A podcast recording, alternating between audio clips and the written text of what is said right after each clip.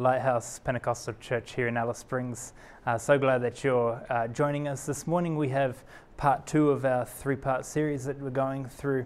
Uh, Knowing Your Adversary, or Know Your Adversary, is the title of the message this morning. We're going to start in 1 Peter chapter 5, verse 8, and then go uh, through, the, through, some cha- uh, through some verses there. So come along, join us. Let's see what the Bible has to say about knowing our adversary.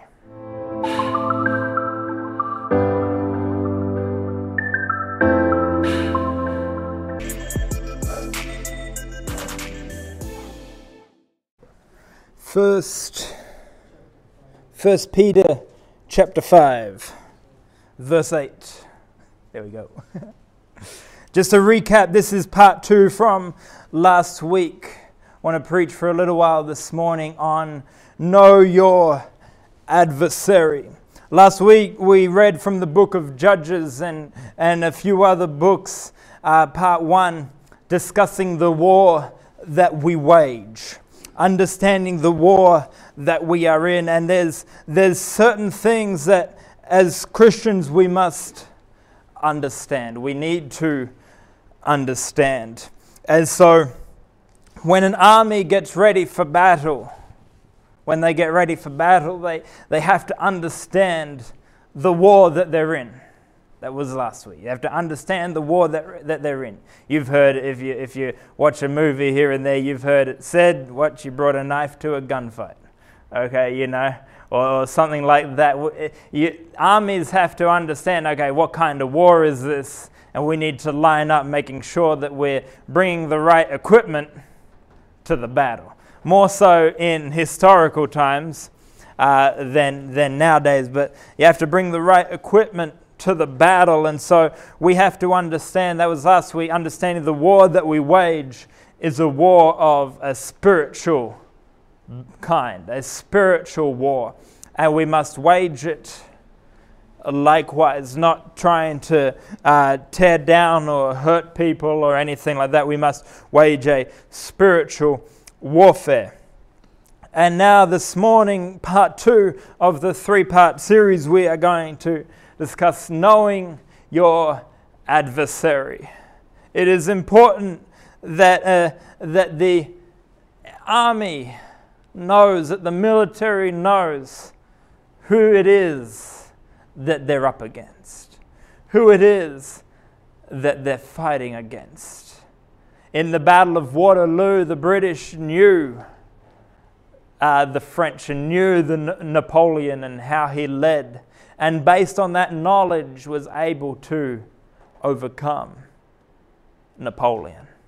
Despite how many people had failed to overcome him before, they were able to overcome Napoleon with, un, with an understanding of how he fought and his strategies and his plans. So we must know, we must know our adversary.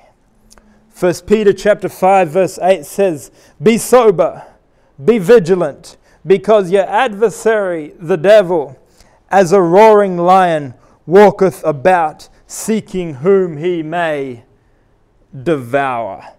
John 10:10, let's turn to John 10:10. As you're turning there, your adversary is not out to play games. John chapter 10 verse 10. Your adversary is not out to play games. He's going around like a roaring lion, the scripture says, seeking whom he may, whom he may devour. He's not out to, to have fun. He's, he's not out to, to, to just to play games, to, to mess around. He is on a mission to see who he can devoured. John chapter 10, verse 10 says, The, the thief cometh not but, to, but for to steal and to kill and to destroy. I am come that they might have life and that they might have it more abundantly. So Jesus came to seek and to save that which was lost. Jesus came that we might have life, that all humanity, that none should perish, might have life and life more abundantly. that we might live life here on this earth and after to our fullest in Christ. But the enemy comes to steal, to kill, and to destroy. What is it that the enemy wants to destroy? Let's turn to Luke chapter 22, verse 31. What is it that the enemy wants more than anything? More than your possessions, more than anything that the enemy wants to take. You see, when, when you go up against and when an army goes up against another army, as we read about last week, Barak from Israel and Deborah from Israel, they were chasing down one man, Sisera, the captain of the army. He was the, the crux, the central, the central point of Jabin, the Canaanites' army. He was the captain. He was what they were after. And like any army, there is a central focus that an army is after, and the enemy works the same way. The enemy works and is looking to steal and to kill and to destroy one specific thing. Luke chapter 22, verse 31, this is Jesus speaking. And the Lord said, Simon, Simon, behold, Satan hath desired to have you, that he may sift you as wheat. But I have prayed for thee, that thy faith fail not. And when thou art converted, strengthen thy brethren. That thy faith fail not. The one thing and the central thing that uh, the enemy is after in your life is your faith. Is your faith. He wants beyond anything your faith. He wants to take it, he wants to destroy it, he wants to get it, your faith. Hebrews says that faith is the substance of things hoped for, the evidence of things not seen. While we yet have faith, the enemy is in trouble. While we have faith, the enemy is in trouble.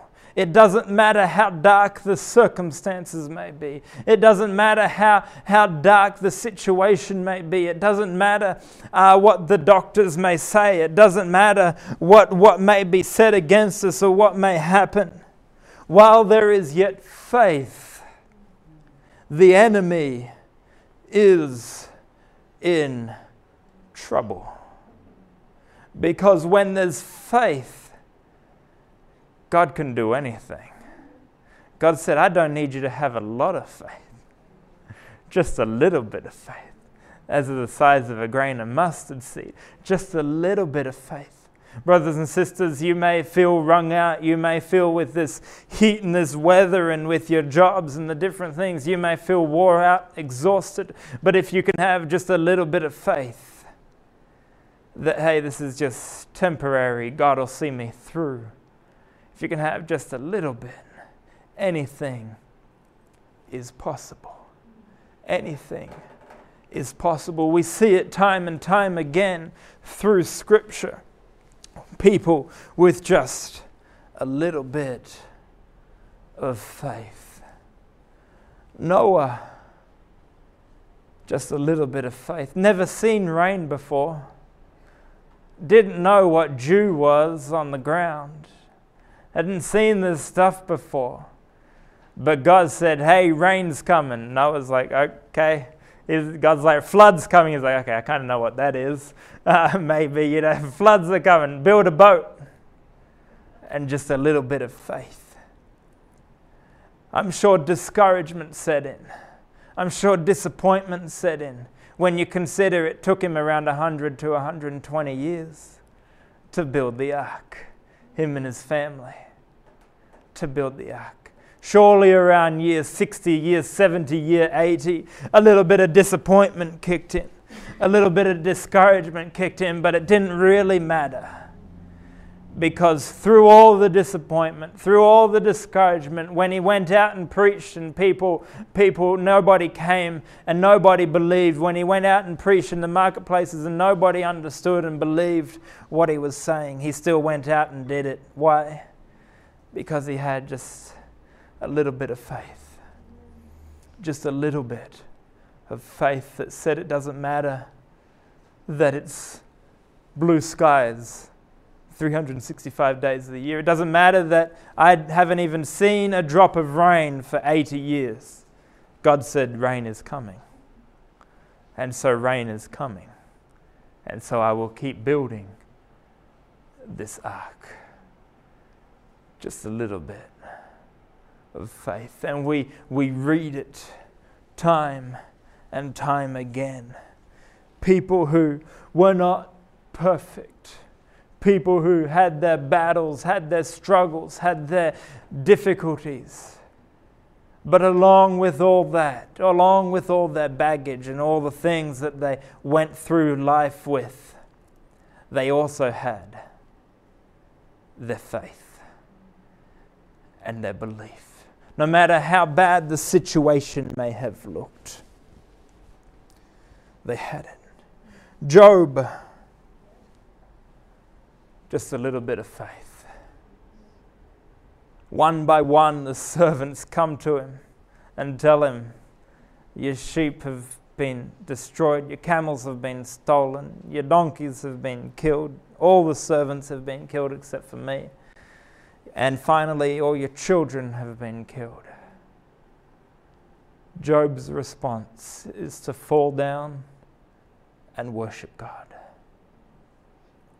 As we read through as we read through the book of Job, we see the thief that came to steal and to kill and to destroy.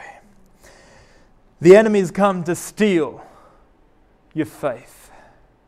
He wants to try and take it, just like he did with Job.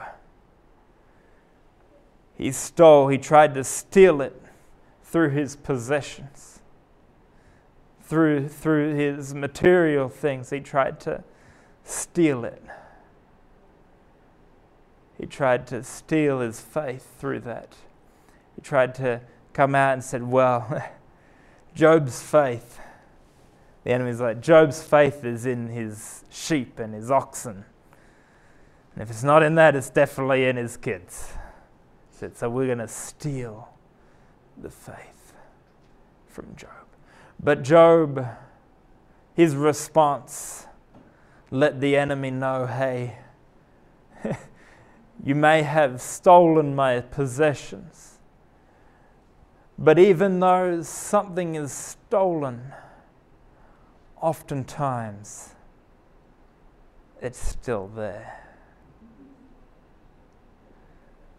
I've had some stuff stolen. I couldn't tell you where it is. I had a tripod stolen. I couldn't tell you where it is, but it, I'm pretty sure it's still existing somewhere. Faith. Faith. Faith cannot be stolen faith cannot be stolen. The enemy will try to steal it. He will try to steal it. And at times you may feel like it's gone. You may feel like, well, I don't know where it is. I, I don't know where my faith is. I don't know what's wrong with me this week, but God, I just don't feel you. I just don't know what's happening. I don't know what's going on. That's when we need to be like the, the lady with the 10 coins. You need to find it. find that faith. The enemy will seek to steal it through your possessions and things like that. Does he really want your possessions? Does the, re- does the enemy really want your car or, your, or, or does he really want to give you a flat tire or whatever it may be? No. What He wants is for you to lose your faith in God. That's what He wants. He wants you to lose your faith. Then the enemy will try to kill your faith, he'll try to kill it. We cannot have faith in mankind. Your faith must be placed in God and God alone. Job, all this stuff's happening. All this stuff's going on, and then some friends come around. They tell him, Man, you must have sinned something bad for all this stuff to be happening. You must have sinned really bad, Job. He'll try to kill your faith. Because we can, we, we can have our belief, our faith. Sometimes we have it in the wrong places. Sometimes we have it, we have it in mankind. We have it in people. We, we must make sure that our faith is not in someone, but our faith is in God. Because the enemy will try to take it. Job's friends came around and said, Look, I don't know what you did, but something terrible, obviously. Something really bad. But Job's faith, what was his response? Job's response to worship God, always to worship God because his faith was not in his possessions, it couldn't be stolen. His faith was not in his friends and those around about him. As much as we want our friends and those around us to support, our faith cannot be in that. Because the enemy will try to manipulate and use and try to kill your faith through that. I'm a bit of a sports fan. Okay, I watch just one sport, ice hockey. Chelsea knows I like my ice hockey. Brother, Brother Maxwell, you know, I've mentioned it a few times while you've been here. I like my ice hockey. And I believe every time that my team, there's 82 games in a season, okay, in a regular season. I believe every time my, my team takes the ice, they're going to win. Every season is our season. It's our season. The season starts, yet this is our season, our time to shine.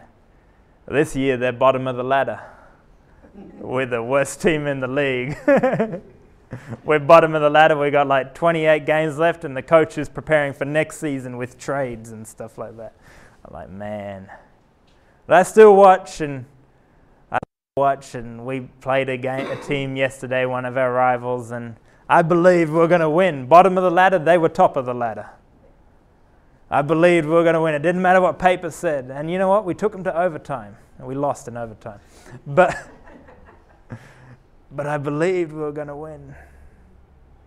Every game, when I sit down to watch it, yeah, we're going to we're going to win this game. This is ours. Doesn't matter what paper says. This is ours. But you know, I have a bit of fun with that, but my, my faith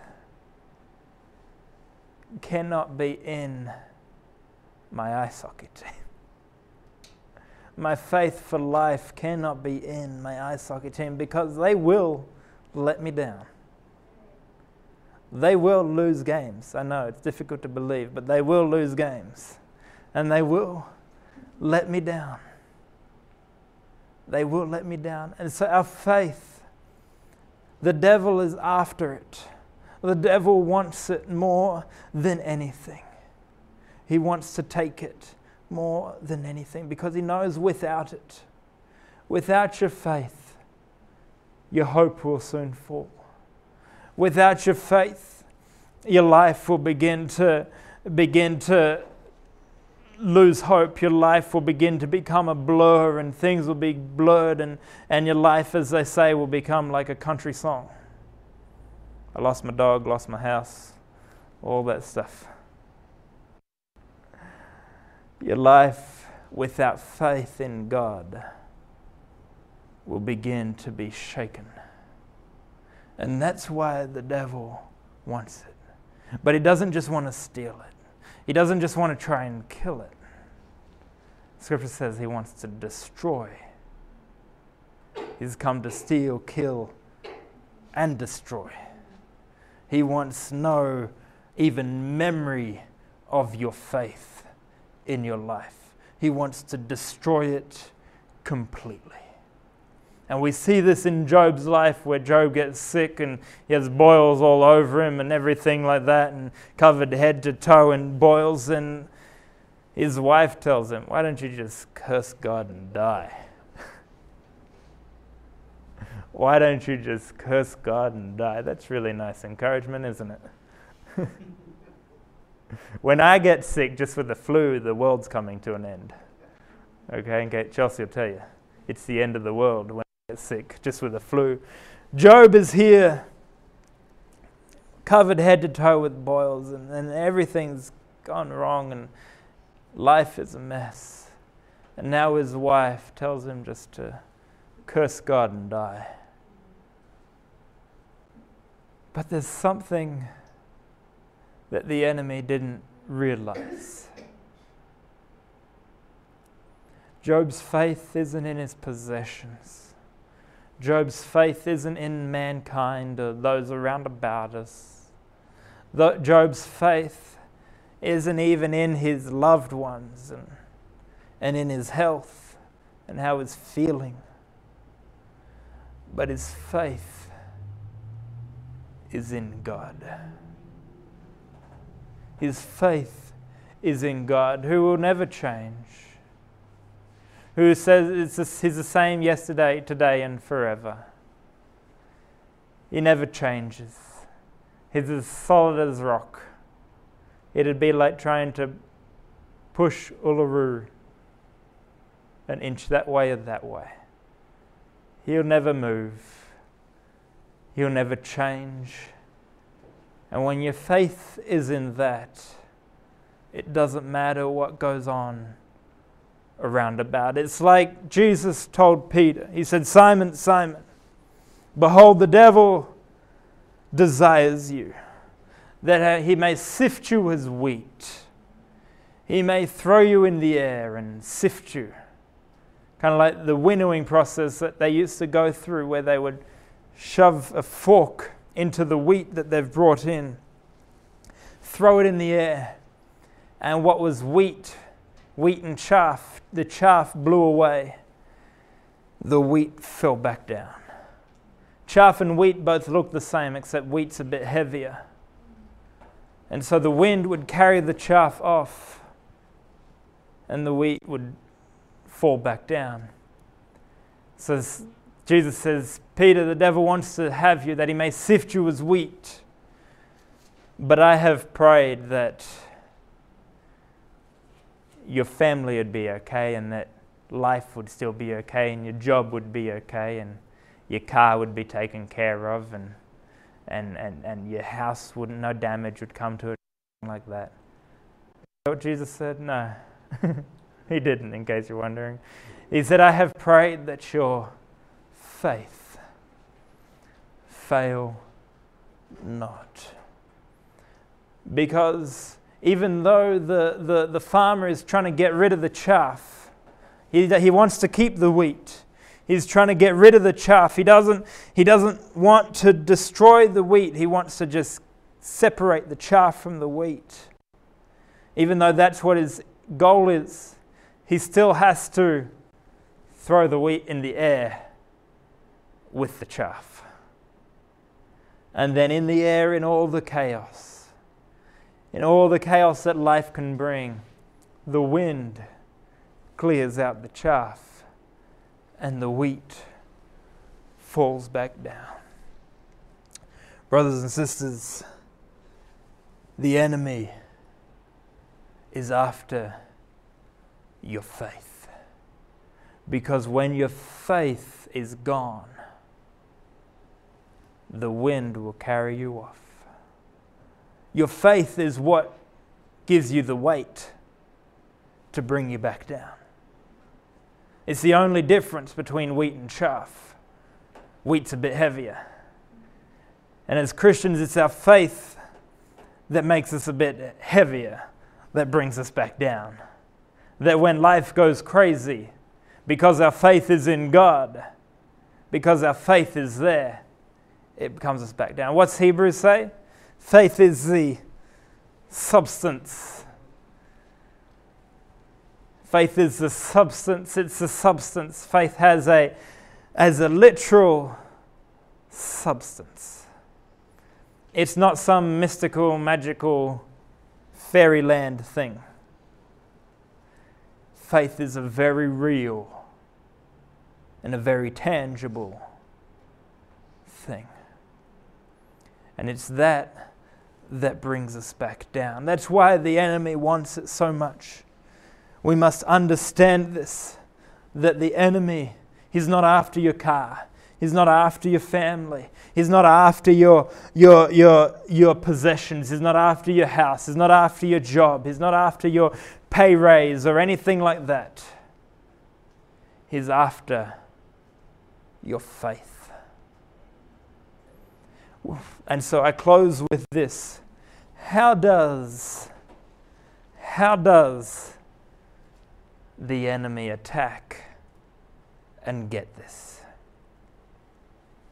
The enemy's main tactic and his biggest tactic is through fear. Through fear he'll try and fear you into losing your faith. I can only imagine how scared Job was when he saw all this stuff happening around about him. But fear in itself cannot destroy you. Fear cannot in itself destroy you. Yeah, I may be. I, I, I Chelsea worked night shift Friday night, and I was asleep. Right, that's what you do at night time. I was asleep, and anyway, I remember I turned the outside outside light off. Right, this is just outside our window. I turned it off. Anyways, I wake up. I hear noise in the living room and it's and I don't even know what the time is. I just hear noise and I see light coming through the through the window. Right? Instantly my heart rate starts going like 150 beats a minute.